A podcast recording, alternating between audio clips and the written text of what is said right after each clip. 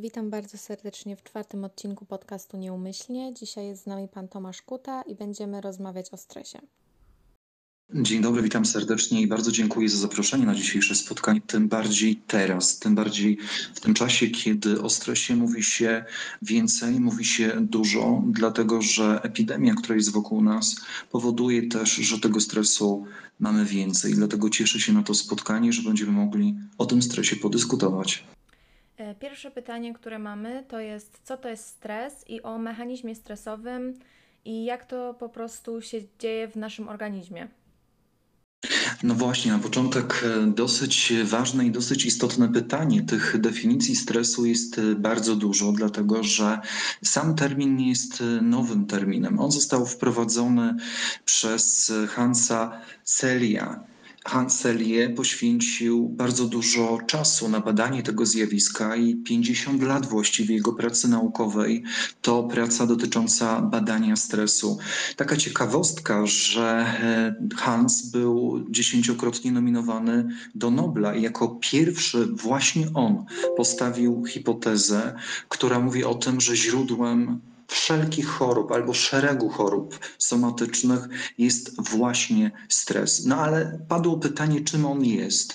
Moglibyśmy powiedzieć w taki sposób, że stres jest naszą reakcją, taką adaptacyjną reakcją na to, co dzieje się, czyli na działania, na sytuacje, na wydarzenia, które tak naprawdę nakładają zarówno specjalne psychiczne, ale też fizyczne wymagania na człowieka. Profesor Strelau, inny badacz, który poświęcił sporo czasu na badanie stresu, mówi tak.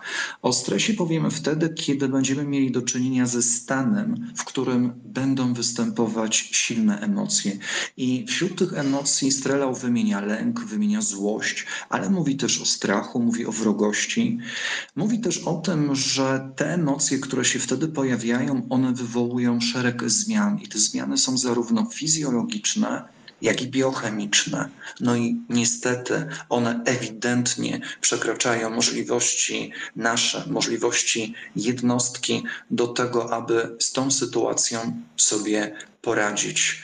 Czyli gdybyśmy wrócili raz jeszcze do autora, który nazywa się Hans Selye, to powiedzielibyśmy tak: o sile odczuwanego stresu decydują wszystkie nasze zebrane przez życie, zarówno pozytywne, jak i negatywne doświadczenia.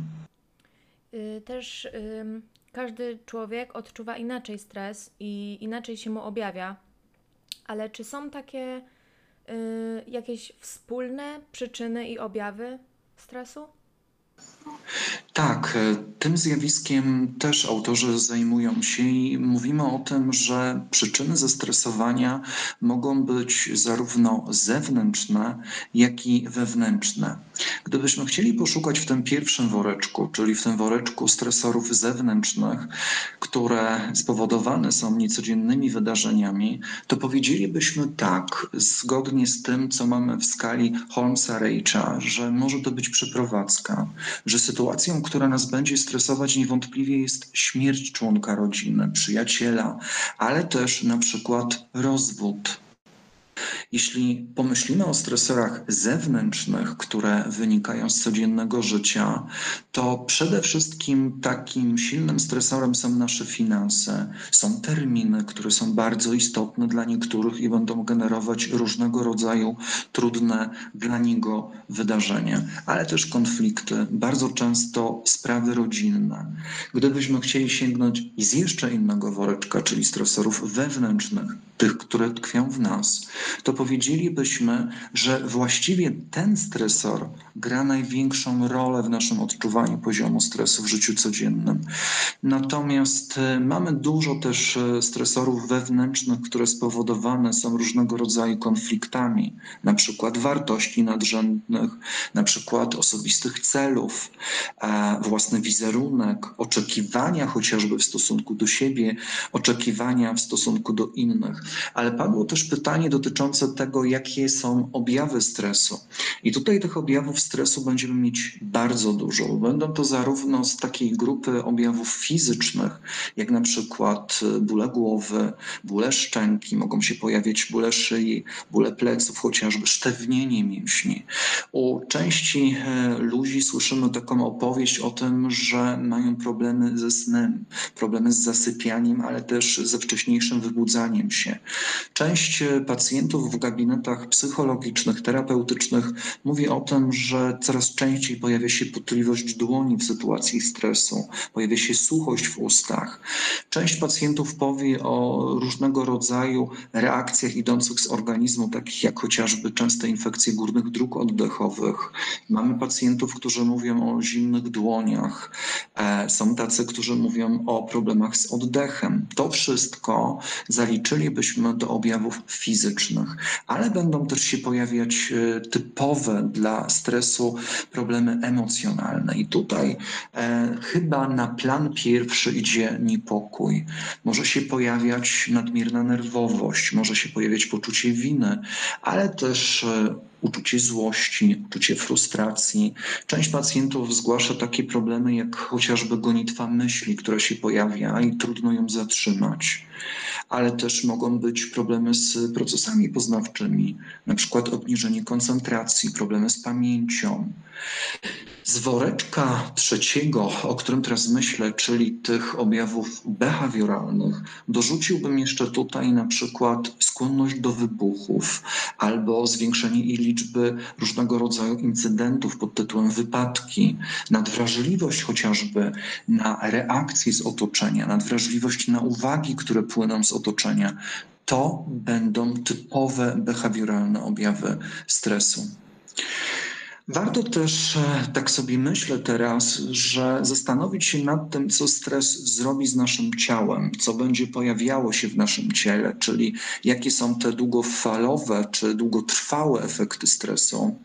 I przede wszystkim taki chroniczny stres, czyli ten stres, który jest doświadczany długo, e, może przyczynić się do powstania szeregu różnych chorób. I najczęściej lekarze mówią o tym, że pojawiają się wrzody, że pojawia się nadciśnienie, cała paleta chorób e, układu kardiologicznego, tutaj choroby serca chociażby pójdą nam na plan pierwszy, ale też wspomniane już przeze mnie zaburzenia snu, może mogą się pojawiać e, schorzenia skór, skóry chociażby e, w przypadku doświadczania zbyt długiego stresu. Jeśli myślę jeszcze o konsekwencjach, to, to dorzucę jedną ważną rzecz nasza produktywność, nasze umiejętności pod wpływem stresu znacznie się obniżają. I to, o czym warto powiedzieć, to to, że część z nas, kiedy doświadcza długo stresu, może też wycofywać się z kontaktów interpersonalnych z innymi, może unikać takich kontaktów. Coraz częściej o takich przypadkach słyszymy, kiedy młody człowiek w gabinecie mówi: Tego stresu już jest tak dużo, że mam takie poczucie, że jest mi coraz trudniej funkcjonować funkcjonować w grupie rówieśniczej, że jest mi trudno wyjść na zewnątrz, bo kiedy mam spotkać się z innymi, to towarzyszy mi zmęczenie, towarzyszy mi takie poczucie też e, przygnębienia. E, to są już takie objawy, z którymi warto zgłosić się do specjalisty. Mhm. Też y, pamiętam, że kiedyś rozmawiałam z taką dziewczyną, która mówiła, że od stresu ma rany na żołądku. Mhm. Że mogą pojawiać się e, właśnie te, te objawy fizyczne. Rzeczywiście tak się dzieje, że e, stres będzie powodować szereg objawów fizycznych. To nie jest tak, że on pozostaje bez wpływu na to, co się dzieje. My, jako ludzie, jesteśmy przecież e, całokształtem, nie tylko to, co jest związane z psychiką, ale też to, co jest związane z naszym ciałem. Długie działania stresu mogą spowodować spustoszenie w naszym organizmie. Dlatego lekarze tak dużo i psychologowie zresztą też mówią o tym, że kiedy doświadczamy tego stresu, to bardzo ważne jest to, żeby szybko go uchwycić, żeby poznać przyczyny naszego zestresowania, rozpoznać je i włączyć strategie zaradcze, czyli strategie działania, które pozwolą nam e, w tym stresie funkcjonować, bo kiedy on z nami pozostaje, to tak jak powiedzieliśmy, będziemy mieli do czynienia z jego negatywnymi skutkami, a przecież nikt z nas tego nie chce. Nikt z nas nie chce nie wychodzić na zewnątrz, bo stres. Nikt nas nie chce e, nie kontaktować się z innymi, bo to na przykład e, jest źródłem stresu. Pan też mówił o tym spustoszeniu w organizmie i dużo osób też ze stresu na przykład nie jest w stanie nic zjeść i strasznie chudnie. I co wtedy robić? Rzeczywiście może to pójść w taką stronę, ale pamiętajmy też o tym, że może być ta druga strona barykady, bo część pacjentów będzie zgłaszała problem tak zwany zajadania stresu. W momencie, kiedy pojawiają się stresory, kiedy osoba doświadcza stresu, to zaczyna jeść więcej i jeszcze więcej. Jak radzić sobie w takich sytuacjach? Przede wszystkim poszukujemy przyczyny. Zawsze, żeby rozpocząć jakieś działanie, zaczynamy od tego, że poszukuję, co jest powodem mojego stanu, co tak naprawdę sprawia, że jest mi teraz trudniej, że tego stresu nagle zrobiło się więcej w moim życiu. Kiedy uchwycimy już przyczynę, to wtedy możemy tak, mówiąc kolokwialnie, mieć działania szyte na miarę, bo kiedy ja wiem, co generuje u mnie stres, co jest początkiem tych wszystkich moich reakcji, to o wiele łatwiej po takim przeanalizowaniu tej sytuacji wybrać mi też strategię działania jeśli te strategie działania, które są dla, dostępne dla nas, a myślę, że będziemy o nich dzisiaj też mówić, jak radzić sobie e, ze stresem, czyli używając też różnego rodzaju technik relaksacyjnych, e, używając chociażby mindfulnessu, który jest e, obecny już w, i w psychoterapii, ale też w doradztwie, który jest coraz częściej obecny. Myślę, że w momencie, kiedy uchwycimy to wtedy podejmiemy dobre działania. A kiedy to nie działa, to taką dobrą osobą, która nas w tym będzie wspierała, jest zawsze psycholog. Ja też chciałbym, żeby to nasze dzisiejsze spotkanie trochę odczarowało gabinet psychologiczny, żebyśmy przestali się bać e, tych konsultacji, tych porad, żebyśmy e, chodzili do psychologa, kiedy nie jesteśmy w stanie sami rozwiązać e, naszych problemów, kiedy nie jesteśmy chociażby w kontekście tego, o czym dzisiaj opowiadamy, dojść do źródła naszego stresu. To nie jest wstyd, drodzy Państwo, bo psycholog to specjalista, który posiada narzędzia w swoich rękach do tego, aby móc e, rozłożyć tą sytuację na części pierwsze, no i w konsekwencji tego pomóc nam poradzić sobie z tą sytuacją. Mm, mówiliśmy teraz o tych negatywnych skutkach stresu, których jest bardzo dużo, ale na pewno są też jakieś pozytywne. Jak najbardziej stres mobilizuje nas do działania. E, ten dobry poziom stresu, czyli ten optymalny poziom stresu, on będzie powodował, że będziemy potrafili w takich e, sytuacjach, kiedy trzeba zadziałać, będziemy potrafili właśnie to zrobić. E, pamiętajmy o tym, że stres nie zawsze będzie powodował, że będziemy uciekać od jakiejś sytuacji. Optymalny poziom stresu jest niezbędny po to, żeby efektywnie funkcjonować. Natomiast gdy pojawia się ten czynnik, który wywołuje stres, organizm zawsze zaczyna reagować w dwojaki sposób: albo walczy, albo ucieka. I w przypadku optymalnego poziomu stresu my podejmujemy to, to wyzwanie. Ten prawidłowy dla funkcjonowania człowieka poziom stresu jest e, potrzebny. My też mówimy w psychologii o tym, że optymalny stres powoduje chociażby przepływ energii, powoduje, że wzrasta wiara w siebie, że my prawidłowo funkcjonujemy. E, natomiast ten zbyt niski, o którym powiedzieliśmy na samym początku, rzeczywiście będzie robił tak, że spada nasza motywacja, że pojawia się apatia, pojawia się znużenie, e, może powodować brak zainteresowania, brak zaangażowania, ale też odpływ energii. Możemy czuć się w takiej sytuacji bardziej bezużyteczni, a proste jakieś rzeczy mogą urastać do rangi jakichś ogromnych zadań. Mm, pan w tym wcześniejszej odpowiedzi mówił, żeby nie bać się, w cudzysłowie, nie bać się psychologów, e, ale wiem, że szczególnie to starsze pokolenie, y, nie jest takie za bardzo przychylnie nastawione do tego. I dużo osób ma też problem, żeby rodzice zrozumieli, że to nie znaczy, że ich dziecko coś wydziwia. I jak porozmawiać z rodzicem tak, żeby ono, jak on zrozumiał, że ten stres to działa na nas po prostu tak negatywnie i potrzebujemy pomocy specjalisty?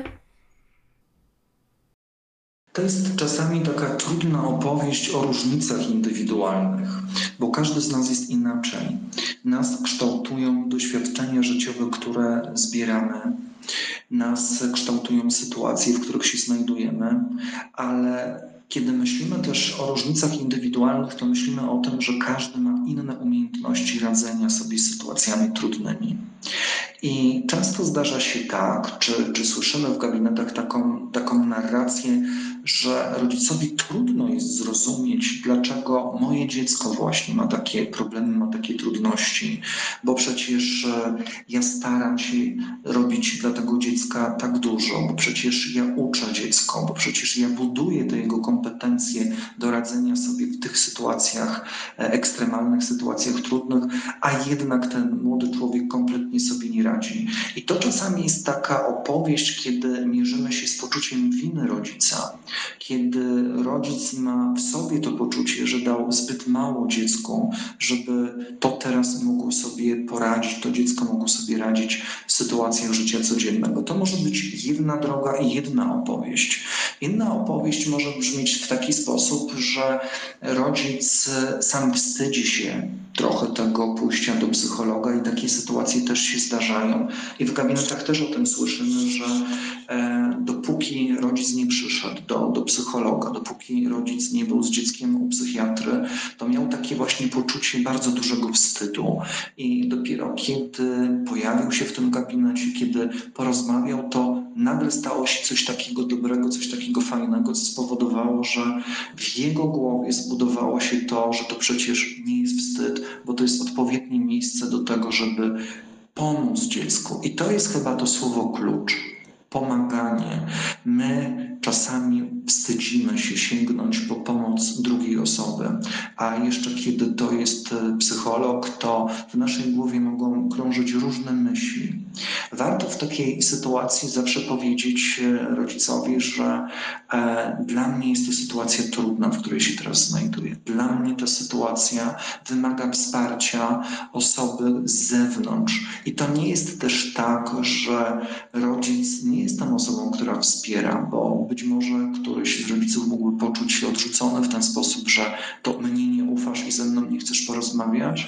Warto na to zwrócić uwagę, że czasami jest tak, że chcemy pogadać z kimś z zewnątrz. Czasami jest tak, że nie wszystko chcemy tej osobie bliskiej powiedzieć. Mogą być tego różne przyczyny, ale kiedy spróbujemy porozmawiać w taki sposób, to być może otworzymy tą rozmową taką fajną przestrzeń do podyskutowania o tym, że warto korzystać z pomocy zewnętrznej. A czy da się przekuć stres w narzędzie? Myślę, że tak.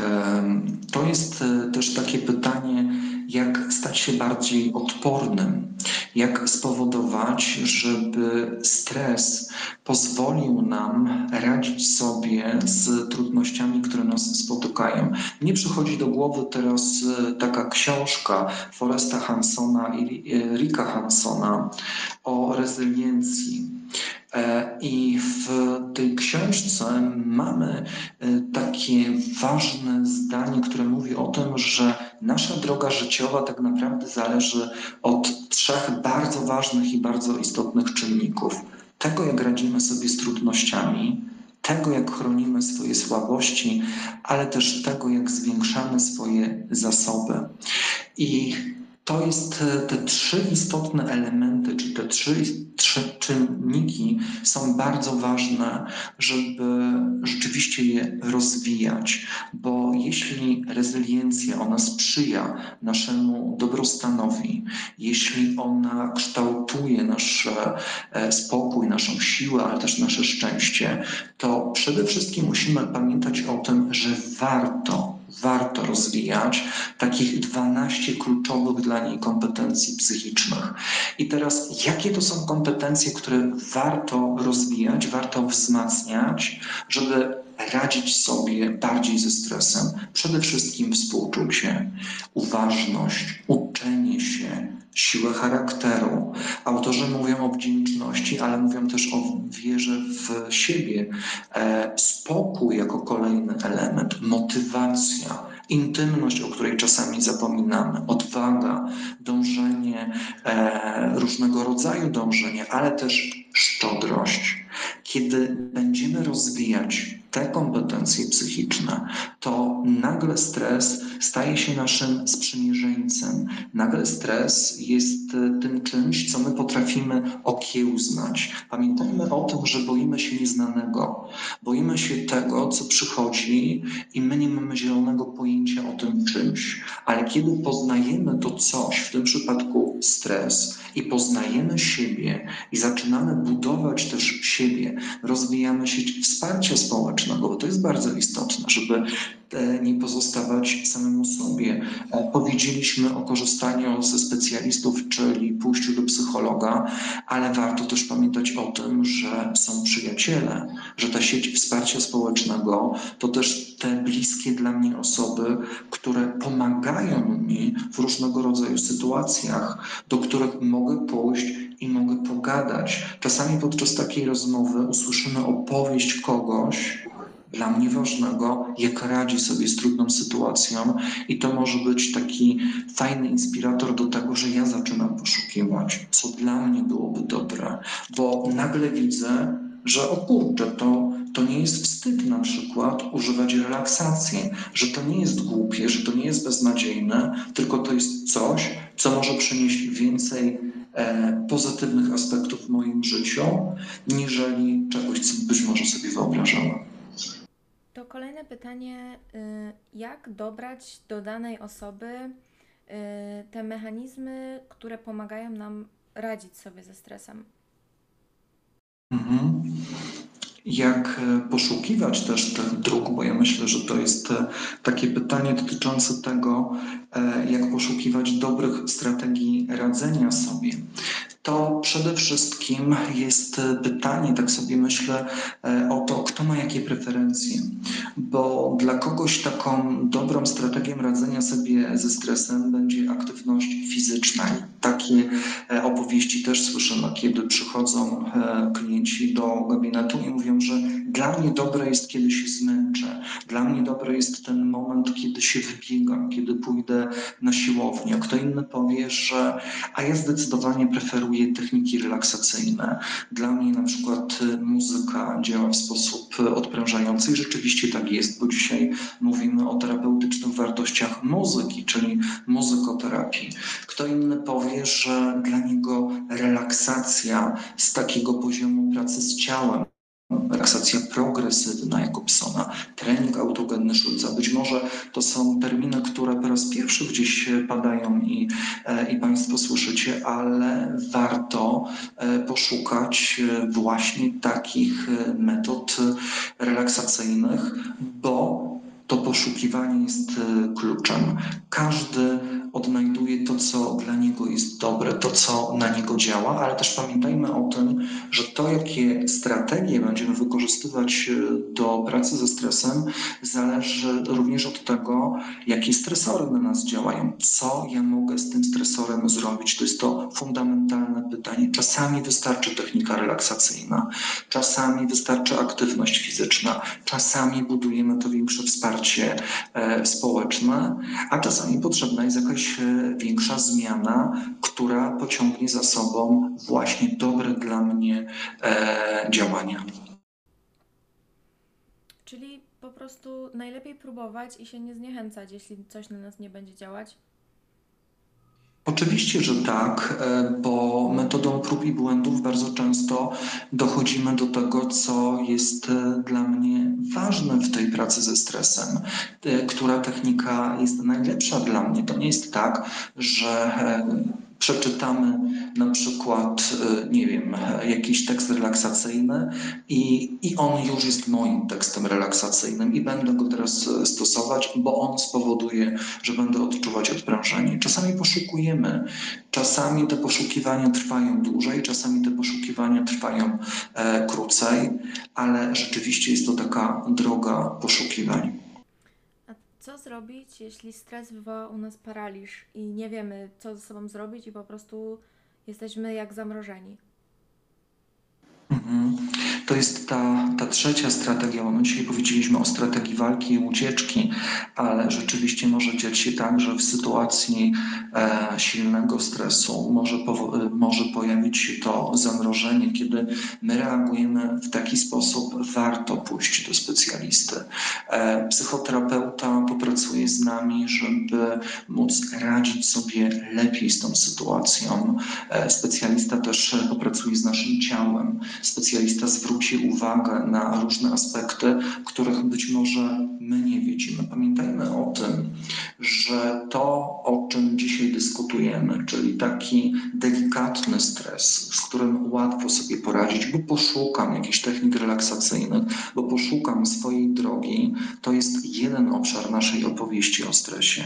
Ale drugi obszar tej opowieści to jest sytuacja, kiedy stres jest bardzo silny, kiedy stres nas paraliżuje, kiedy stres powoduje, że nie potrafimy podjąć racjonalnych decyzji, kiedy właściwie czasami nie wiemy kompletnie, co zrobić, nie wiemy, czy pójść w prawo, czy pójść w lewo. To już jest taki stan, kiedy rzeczywiście potrzebujemy tej specjalistycznej pomocy, żeby przeanalizować co tam się dzieje, jak wygląda ten mechanizm, żeby też umieć odnaleźć taką dobrą dla nas odpowiedź na to pytanie, które spowoduje, że zrobimy ten krok do przodu.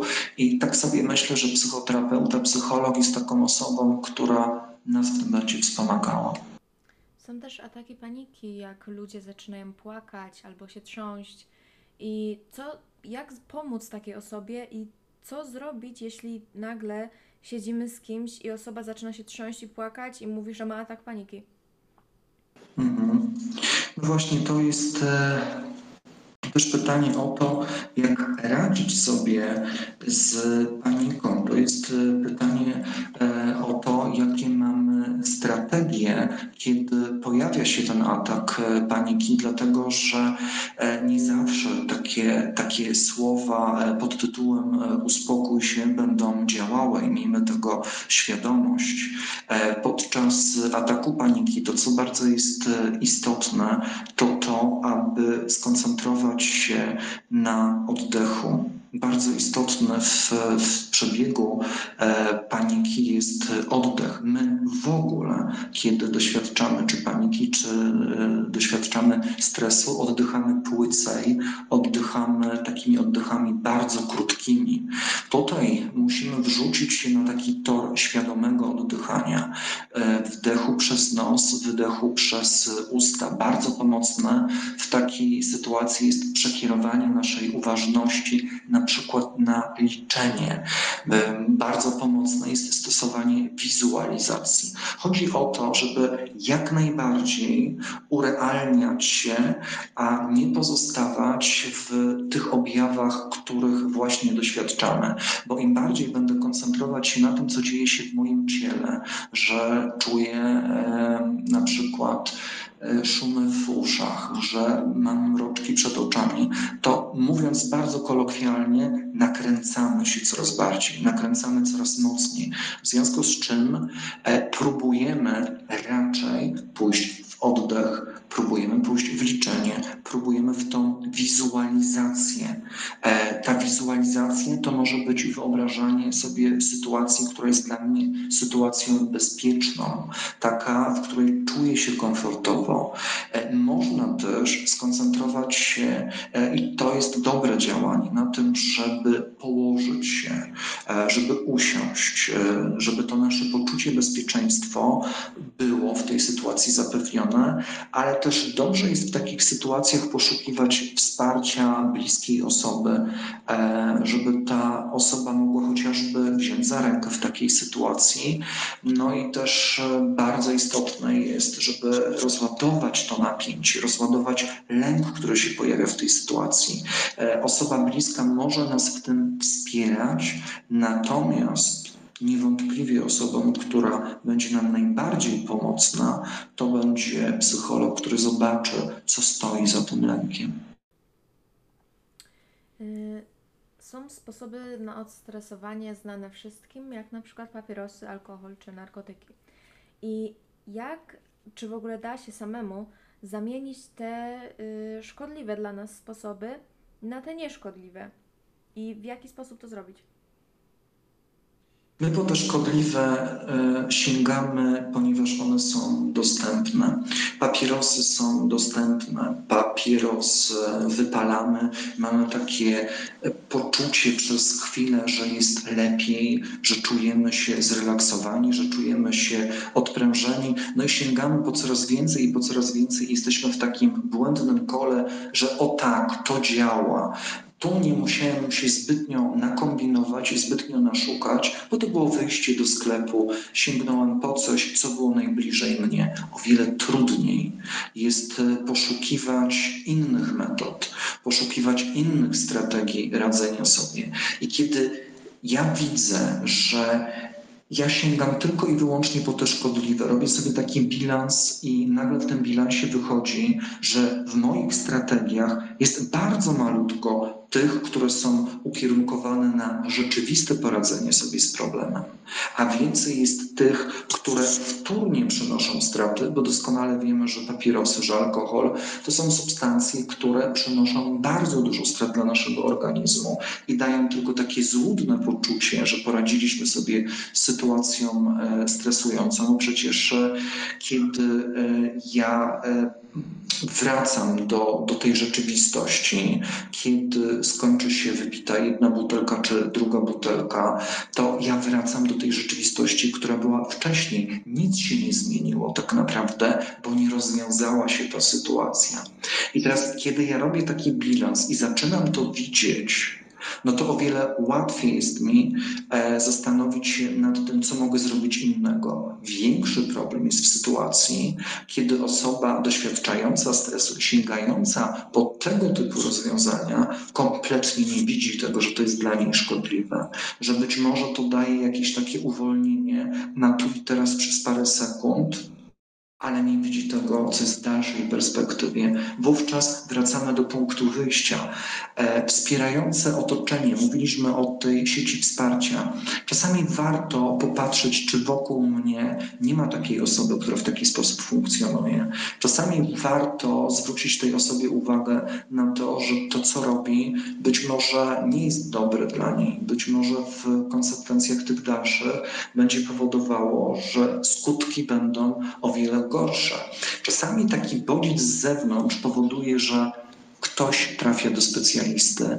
Mam takie doświadczenia, kiedy pacjenci mówili o tym, że dopiero otoczenie zwróciło uwagę, że to, co ta osoba robiła ze swoim życiem, to w jaki sposób radziła sobie z trudnościami, było dla niej samej niedobre. Ale też ta osoba mówi, że dużo czasu na przykład zajęło jej to, żeby dopuścić tą myśl do siebie i zbudować taką swoją gotowość do tego, aby przełamać być może czasami swój strach, czasami lęk, czasami barierę wstydu i skorzystać z tej pomocy ale to jest też taka narracja o tym, że dużo wdzięczności było za to, że otoczenie właśnie było otoczeniem wspierającym.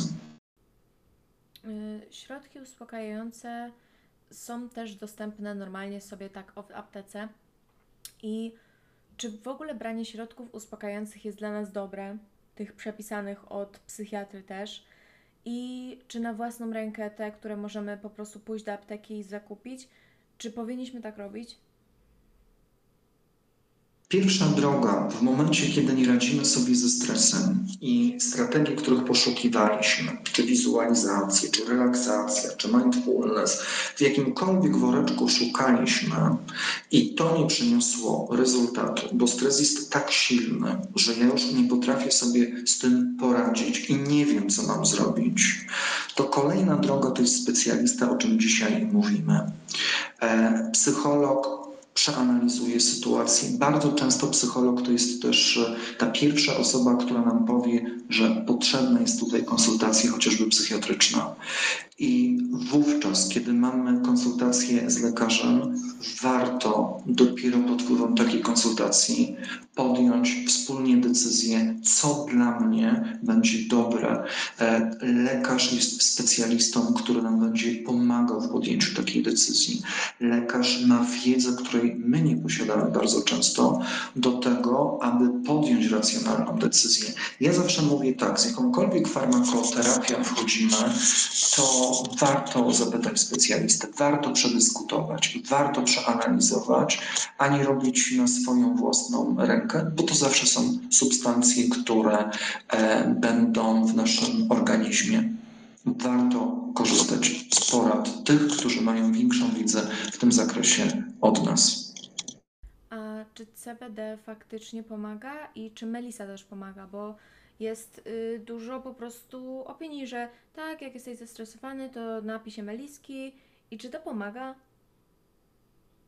Na rynku pojawia się bardzo dużo substancji, które e, są e, proponowane w sytuacjach, kiedy my doświadczamy stresu, ale ja ciągle wracam chyba do tego punktu wyjścia, czyli do tego punktu, kiedy mówimy o przyczynach, bo to jest trochę tak, że my poszukujemy taki, takich strategii zaradczych, e, a nie znamy w ogóle, co jest powodem. O wiele łatwiej jest radzić sobie z powodami, o wiele łatwiej jest poszukiwać przy czujnym wsparciu specjalisty, niż sięgać po różnego rodzaju leki, po substancje bardziej lub mniej bezpieczne, e, ale robić to na własną rękę i radzić sobie tylko ze skutkami. To jest też takie pytanie, czy zająć się skutkami, czy przyczynami Zawsze odpowiedź jest jedna i prosta. Zajmujemy się przyczynami tego, co powoduje u nas stres.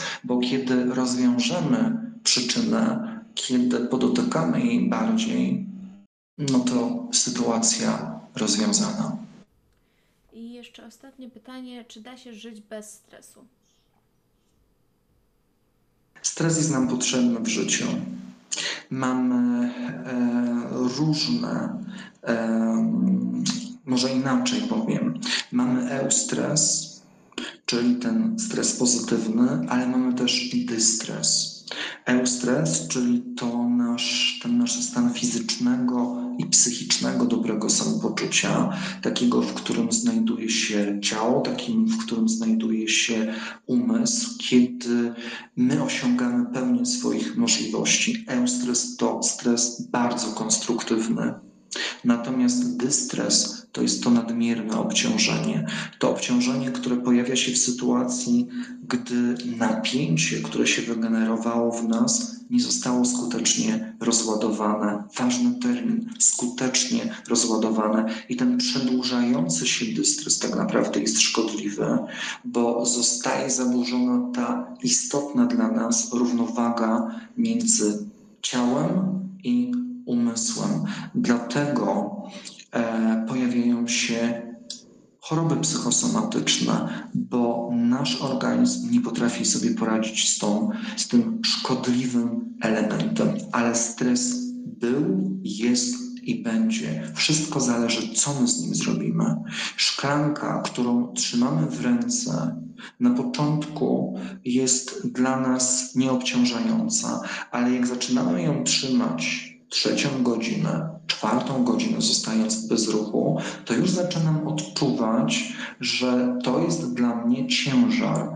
I już zaczynam zastanawiać się, co z tym ciężarem mogę zrobić, żeby poradzić sobie z tą sytuacją, tak? I to są nasze strategie radzenia się sobie, bo jakiś ciężar, jakąś szklankę zawsze będę w ręku trzymać, bo takie jest życie, że ono generuje różnego rodzaju sytuacje. Kwestia, co z tym zrobisz, czyli jak ty sobie poradzisz z tą ciężką szklanką, która jest w ręce. Mhm. To dziękuję bardzo panu za rozmowę i za cenne tutaj rady. I Ja również dziękuję za zaproszenie na to spotkanie. Bardzo dziękuję za rozmowę i mam taką refleksję na koniec. Poszukujmy, kochani, bo te poszukiwania to jest bardzo istotna rzecz, żeby poradzić sobie ze stresem. Coraz więcej o tym stresie się mówi, coraz e, więcej mamy ciekawych stron internetowych, coraz więcej publikacji naukowych e, w internecie. Stres to zjawisko, które jest dobrze przebadane. W związku z tym warto sięgnąć do literatury, a kiedy jest nam tego mało, to zawsze warto zapukać do gabinetu specjalisty. E, Pamiętajcie, że w szkołach jest psycholog, jest pedagog. Jeśli ma psychologa, to jest e, pedagog. Warto pogadać o tym, że coś jest dla mnie stresujące, że nie wiem, jak sobie z tym stresem poradzić. To jest takie działanie, które będzie nam pomagało. Tylko pamiętajmy o tym, żeby się nie wstydzić, bo to żaden wstyd. Poszukiwanie to zupełnie normalna rzecz w naszym życiu. Dziękuję za to zaproszenie. dziękujemy bardzo i do widzenia. Dzięki bardzo.